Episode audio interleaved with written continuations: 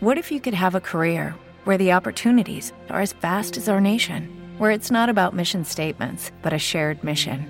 At U.S. Customs and Border Protection, we go beyond to protect more than borders from ship to shore, air to ground, cities to local communities. CBP agents and officers are keeping people safe. Join U.S. Customs and Border Protection and go beyond for something far greater than yourself. Learn more at cbp.gov/careers. La veu de Sant Joan. Serveis informatius.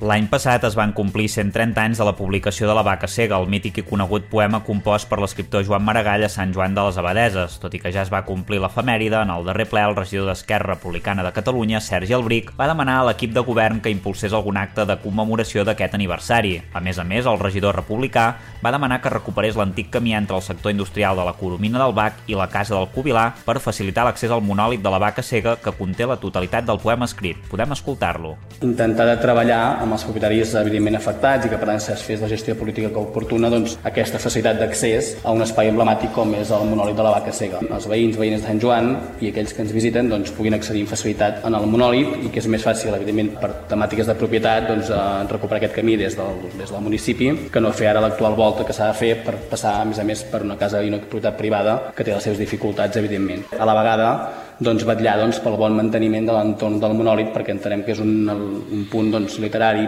turístic, important, cultural.